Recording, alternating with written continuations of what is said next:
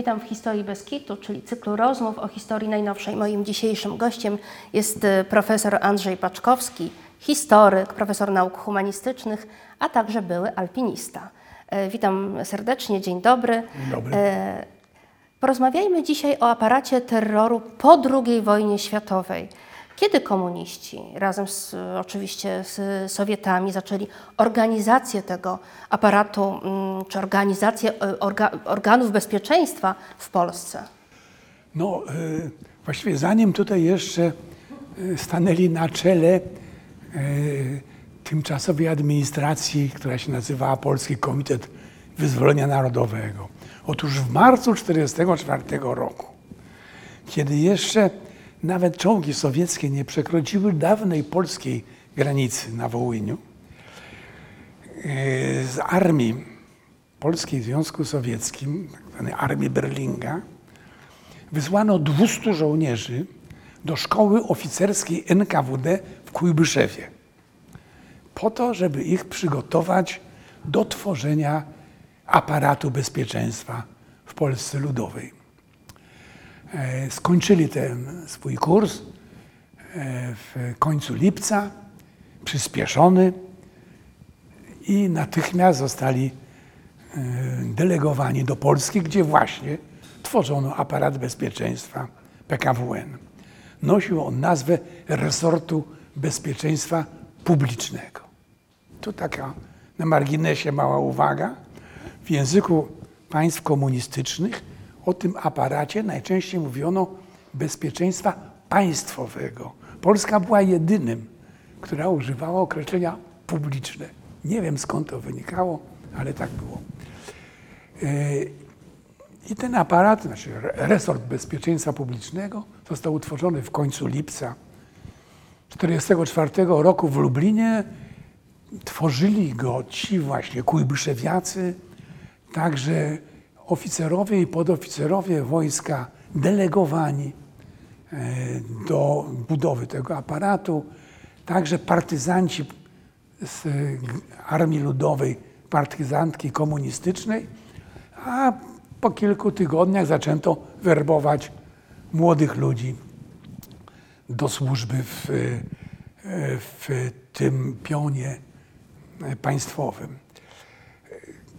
Jesienią już było 2000, było 2000 funkcjonariuszy, a więc już taka garstka, ale e, widoczna, zwłaszcza, że to był kraj między Bugiem a Wisłą, bo przecież front stanął, e, stanął na Wiśle. Skąd ci ludzie się wywodzili? To byli ludzie wykształceni, czy raczej... E, To znaczy, tak, no, aparat bezpieczeństwa, takie jakby swoje pełne wymiary, osiągnął rok później mniej więcej. Dopiero późnym latem 1945 roku została struktura departamentów, biur i tak dalej, i tak stworzona. I był to mm, twór modelowany na sowieckim, na NKWD czy GPU. E, To znaczy, resort bezpieczeństwa, później Ministerstwo Bezpieczeństwa Publicznego, zawierało w sobie urzędy bezpieczeństwa, czyli bezpiekę w sensu stricto, milicję, więziennictwo i wojska wewnętrzne, które później były, e, tworzyły Korpus Bezpieczeństwa Wewnętrznego. A więc to, to nie była tylko policja polityczna. To był po prostu cały, tak powiem, wszystkie siłowe e, resorty cywilne e, były e, w nim skupione. Wojsko miało swój osobny aparat bezpieczeństwa, który nazywał się Informacja Wojskowa. Później to był Główny Zarząd Informacji,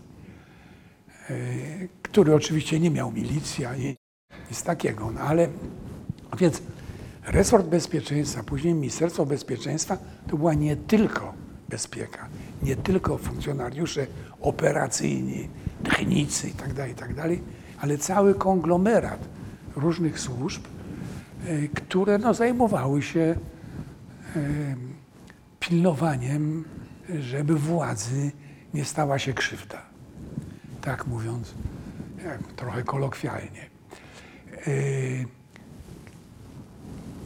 Szkielet był dany przez tych kujbyszewiaków, pierwszych oficerów wojska, którzy byli skierowani, czy podoficerów, którzy tam e, byli skierowani. Kim oni byli? No, większość z nich to byli komuniści, krócej lub dłużej. E, Ci, którzy byli kujbyszewiakami, to niektórzy z nich przeszli łagry e, w ogóle.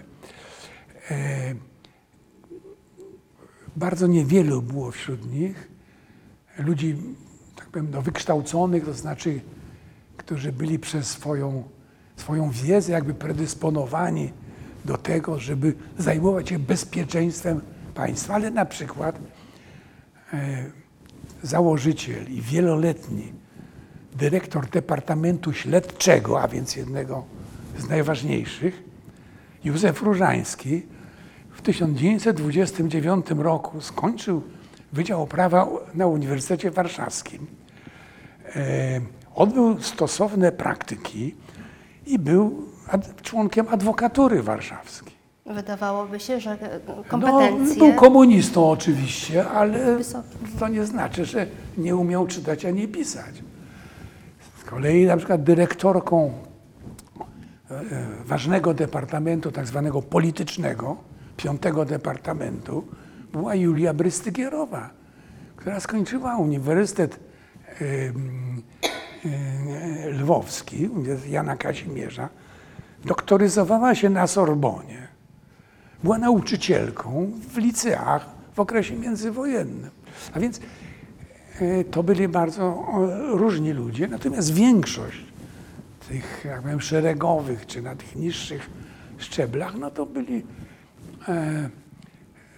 komuniści lub nie, e, na ogół ze słabym wykształceniem. Zwłaszcza wtedy, kiedy ten aparat zaczął się rozrastać, no bo 2000 ludzi to było dobre e, w Lublinie, ale jak już Polska stała się, powiem, geograficznie taka, jaka dziś, no to, to było trochę za mało. Krąży taka powszechna opinia, że aparat bezpieczeństwa to w większości byli ludzie pochodzenia żydowskiego. Czy to jest prawda? No nie, w kierownictwie była, było bardzo dużo.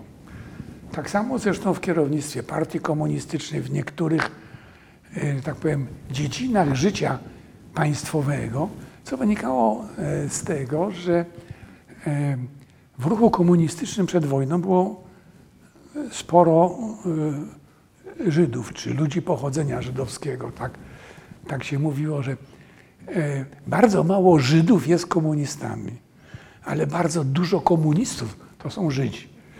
No ale komunistów było parę tysięcy.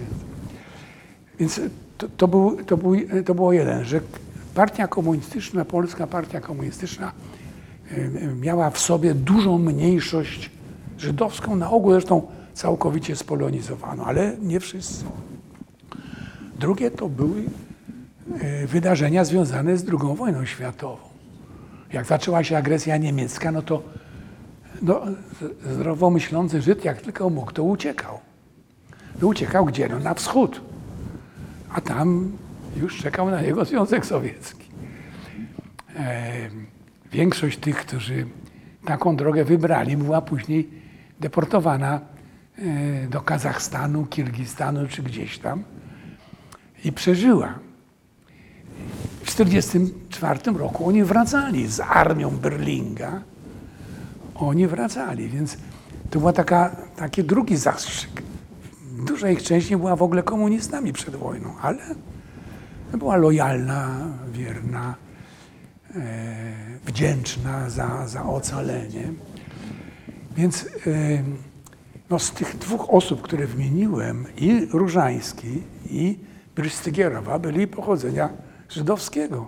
Ale oboje pokończyli polskie uniwersytety. Pisali, mówili po polsku. Pewnie lepiej niż większość Polaków. Więc, no, ale to odium ciążyło wówczas i, i oni sobie zdawali z tego sprawę, dlatego wiele tych osób zmieniało nazwiska. żeby jakby ukryć swoje żydowskie pochodzenie, a nawet była taka polityka. Zofia Gomułkowa, żona Władysława Gomułki, która taką politykę personalną prowadziła w tych bardziej e, wrażliwych resortach, sama e, mówiła, no ty masz wygląd niedobry, nie możesz pracować z publicznością, gdzieś na zaplecze. E, trzeba zmienić nazwisko, chociaż sama była Żydówką. Więc no, to jest bardzo skomplikowane, wymagałoby osobnych, osobnych rozważań niekończących się. W każdym razie ci Żydzi, którzy byli w UB, oni nie wnieśli z sobą jakiejś specjalnej wiedzy bezpieczniackiej. Oni nie byli przecież przed wojną żadnymi funkcjonariuszami polskiej policji.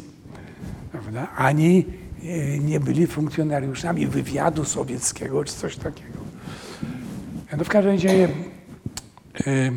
tak było, że rzeczywiście w pierwszych, pierwszych latach korpusie kierowniczym aparatu bezpieczeństwa, tego bezpieki sensu stricto, około jednej piątej, jednej trzeciej stanowiły osoby pochodzenia żydowskiego. Wtedy, kiedy tworzono bezpiekę, to duży był w tym udział także obywateli sowieckich. Ci już na ogół byli nie Żydami, Rosjanami, ale e, jeden, jeden z wyższych oficerów pionu personalnego MPP się nazywał Haczaturian. No, chociaż większość to byli Rosjanie, Ukraińcy i Białorusini.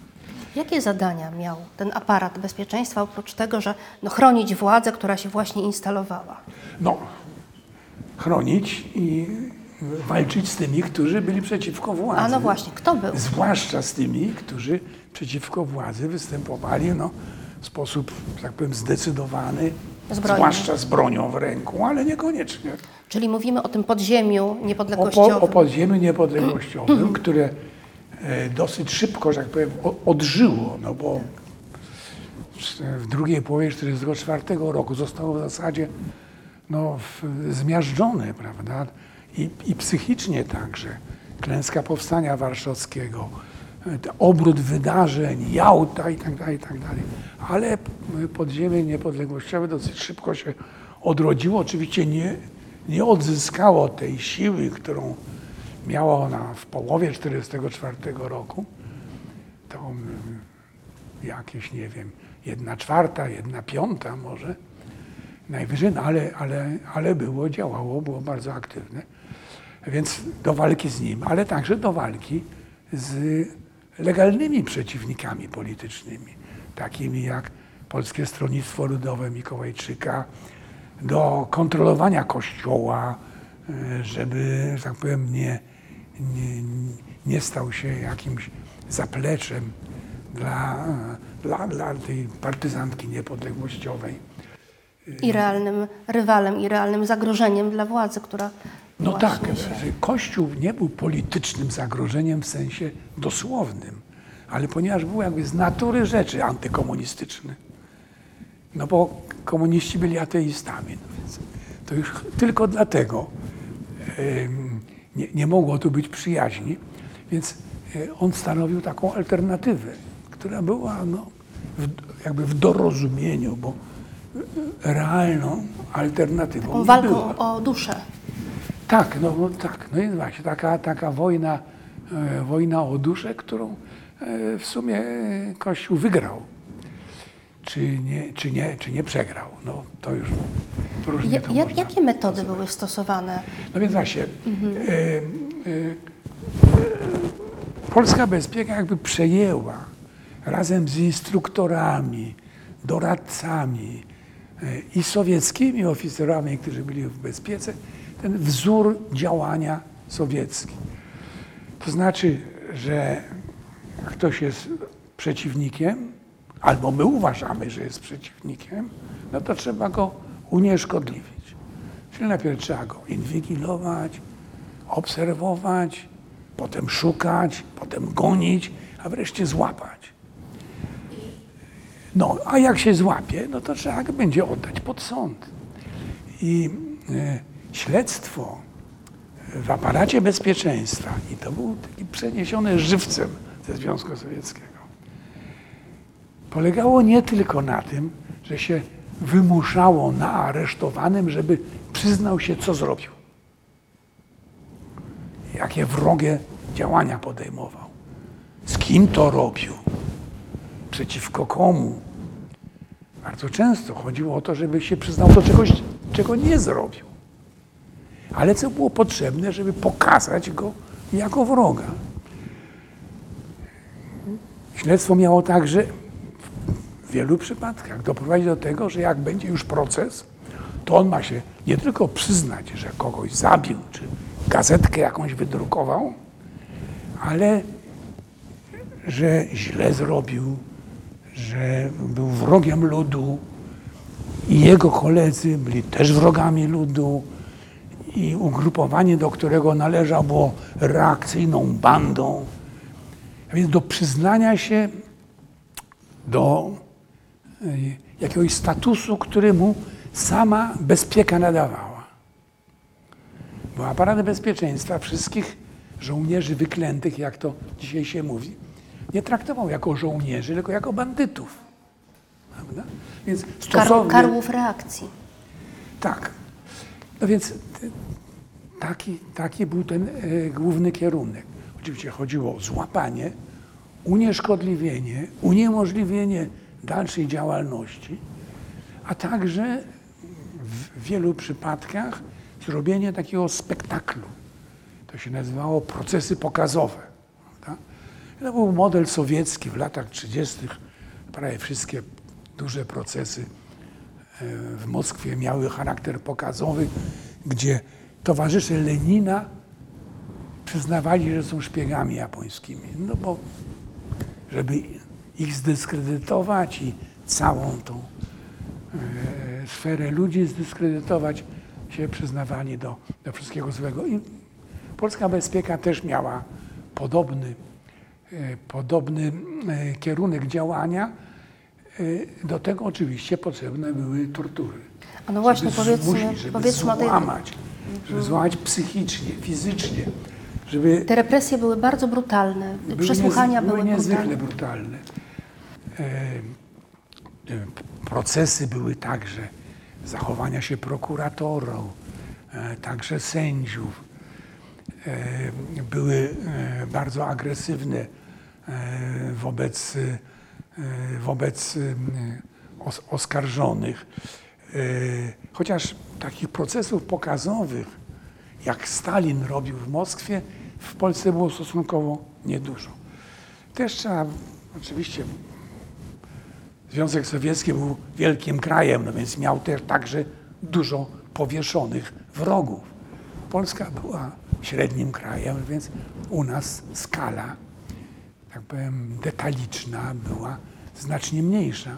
Niemniej już w latach 44, 47 tylko sądy wojskowe wydały 3800 wyroków śmierci, z których połowa była wykonana. Przez, przez areszty, więzienia, obozy, bo były obozy e, takie przejściowe, tak zwane, filtracyjne i tak dalej, i tak dalej, no przeszły dziesiątki tysięcy osób. Według danych, które, które samo, sam aparat bezpieczeństwa e, już historycznie to e, mm, obliczał, to w latach 44 do 56 aresztowanych przez UB było około 250 tysięcy osób. Nie, nie wszyscy byli partyzantami oczywiście, ani nawet konspiratorami. Tam byli chłopi, którzy nie oddali kontyngentu. E, Tam byli Niemcy, Volksdeutsche, e, ale to były, tak powiem, polityczne wszystko. Nie, nie, do tego się nie wlicza tych, których milicja aresztowała, czyli normalnych złodziejaszków też nie brakowało. Więc to był niezwykle represywny e, aparat. I trzeba I stąd powiedzieć- sukces w e, zwalczeniu w końcu podziemia No tak, i, i rzeczywiście ta, ta, ta siła Mhm. fizyczna, po prostu siła fizyczna, ta przewaga bo partyzantów niepodległościowych w latach 45, 47 było tak przeciętnie, jakbym jednorazowo licząc 15 tysięcy, 12 tysięcy. A ten cały kompleks Ministerstwa Bezpieczeństwa Publicznego to było 180 tysięcy ludzi uzbrojonych. Ubeków, milicjantów i żołnierzy z KBW. No, do tego, jak były duże obławy, to wojsko się włączało. W 1946 roku utworzono specjalny, specjalny Komitet Bezpieczeństwa Publicznego, na czele którego stał minister obrony narodowej. Więc no to, to były rzeczywiście, dysproporcja była niesamowita, a także to było też psychiczne zmęczenie. Może nie tyle samych żołnierzy, ile ich zaplecza, ich otoczenia, ich dowódców także. No bo nie, nie, nie, nie, było właściwie widać wyraźnych szans, że coś, jakaś zmiana generalna y, może nastąpić. Y, Najpierw było referendum, zostało sfałszowane i mocarstwa zachodnie przyjęły ten sfałszowany wynik jako, jako rzeczywisty. Prawda? Em, Później były wybory do Sejmu, też sfałszowane. Kiedy Też na, nadzieja na trzecią wojnę światową po prostu a tej gasła. trzeciej wojny światowej nie było i, i coraz wyraźniejsze było, że jej nie będzie po prostu. Więc e, tak na, następowało pewne załamanie. Ponadto to nie jest tak, że ta władza komunistyczna prowadziła taką jednotorową politykę, że tylko pałka, bagnet i zmuszanie. Także rzucała marchewkę co pewien czas. Dwa razy była amnestia. E, Pierwsza była już w sierpniu 1945 roku. Trzydzieści kilka tysięcy osób się zgłosiło. E, Jednym, jakby szefem taki ze strony e, siedzących tej całej operacji był jeden z najsłynniejszych dowódców Armii Krajowej, Radosław. Druga amnestia była zaraz po wyborach 1947 roku, której się, do której się zgłosiło ponad 50 tysięcy e, ludzi, którzy się ukrywali albo ukrywali swoją przeszłość. E, Mała część spośród nich aktualnie była w prawda? ale byli, były takie oddziały też, które się rozwiązywały po prostu. I rzeczywiście te amnestie wyglądały tak, że ludzie się zgłaszali i mogli od tej pory żyć już spokojnie.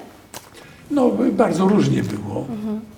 Y, Ci, którzy my jakąś wybitniejszą rolę odgrywali, byli bardziej aktywni, bardziej niebezpieczni, no to byli na tak, tak zwanym widelcu.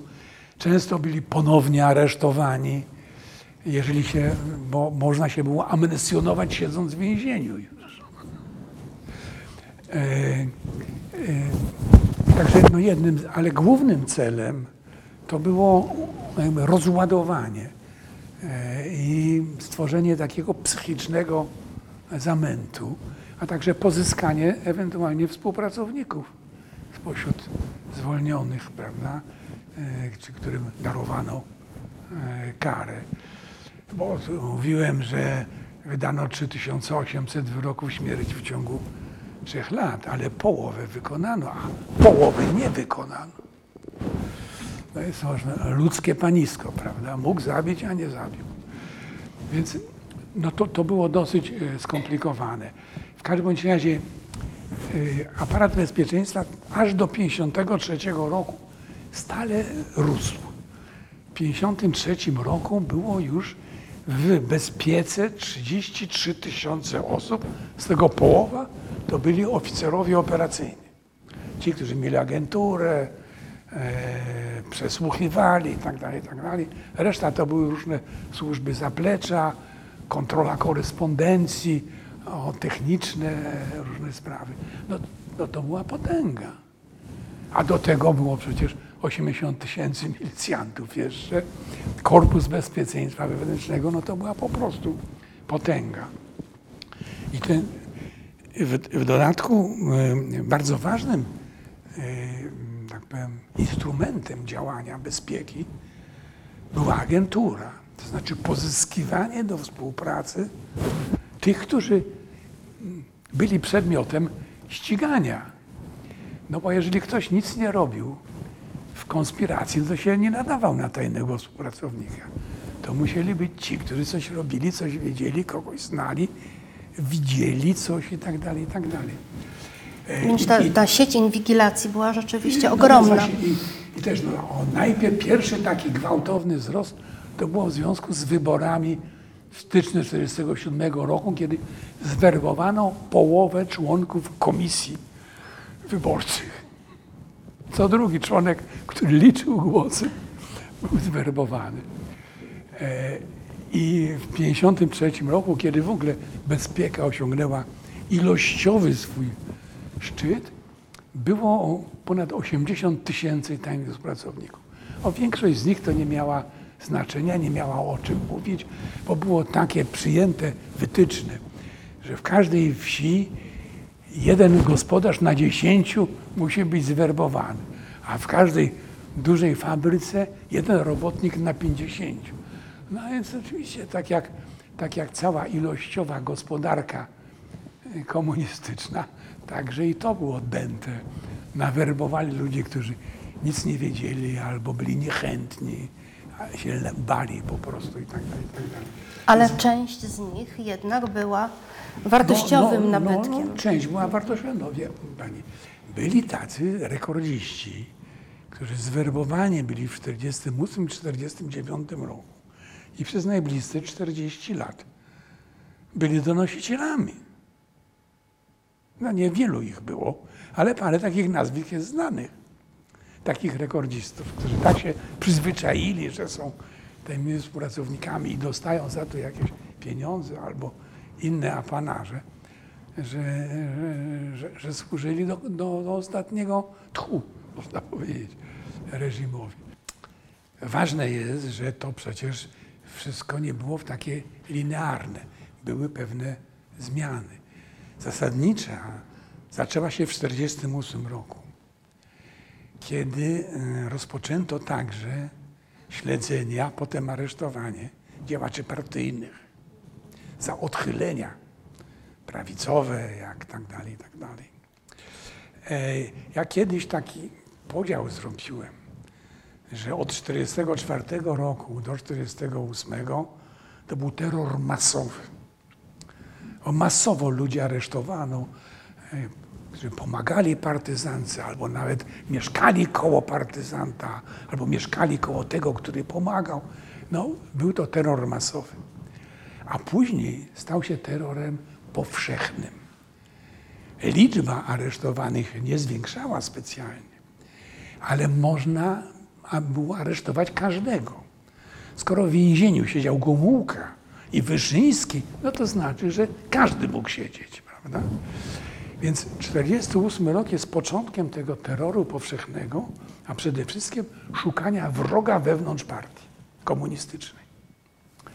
Powstał specjalny departament, departament 10. Na czele jego stał Anatol Fejgin, e, który zajmował się jakby tropieniem wroga wewnętrznego. E, Odbyło się kilka procesów. E, Także odpryskiem tego wroga wewnętrznego w partii było także poszukiwanie wroga wewnętrznego w wyższych kadrach wojskowych. I była cała seria procesów, nazywane czasami generalskimi, chociaż tam generałów było niedużo, 20 wyroków śmierci wykonanych. No, to, to, to, był, to był ten nowy, to był ten na- naprawdę stalinowski terror. A kiedy, a kiedy kończy się ten e, terror powszechny? I on, on, śmierć Stalina jakby wyhamowuje tą, rozwój tego, tego terroru powszechnego i tego szukania wroga w biurze politycznym. I to oczywiście zaczyna się okres nazwany odwilżą. Tak, o którym będziemy za chwilę rozmawiać Tak. w kolejnej I, rozmowie. I, i, I to jest 54 rok właściwie.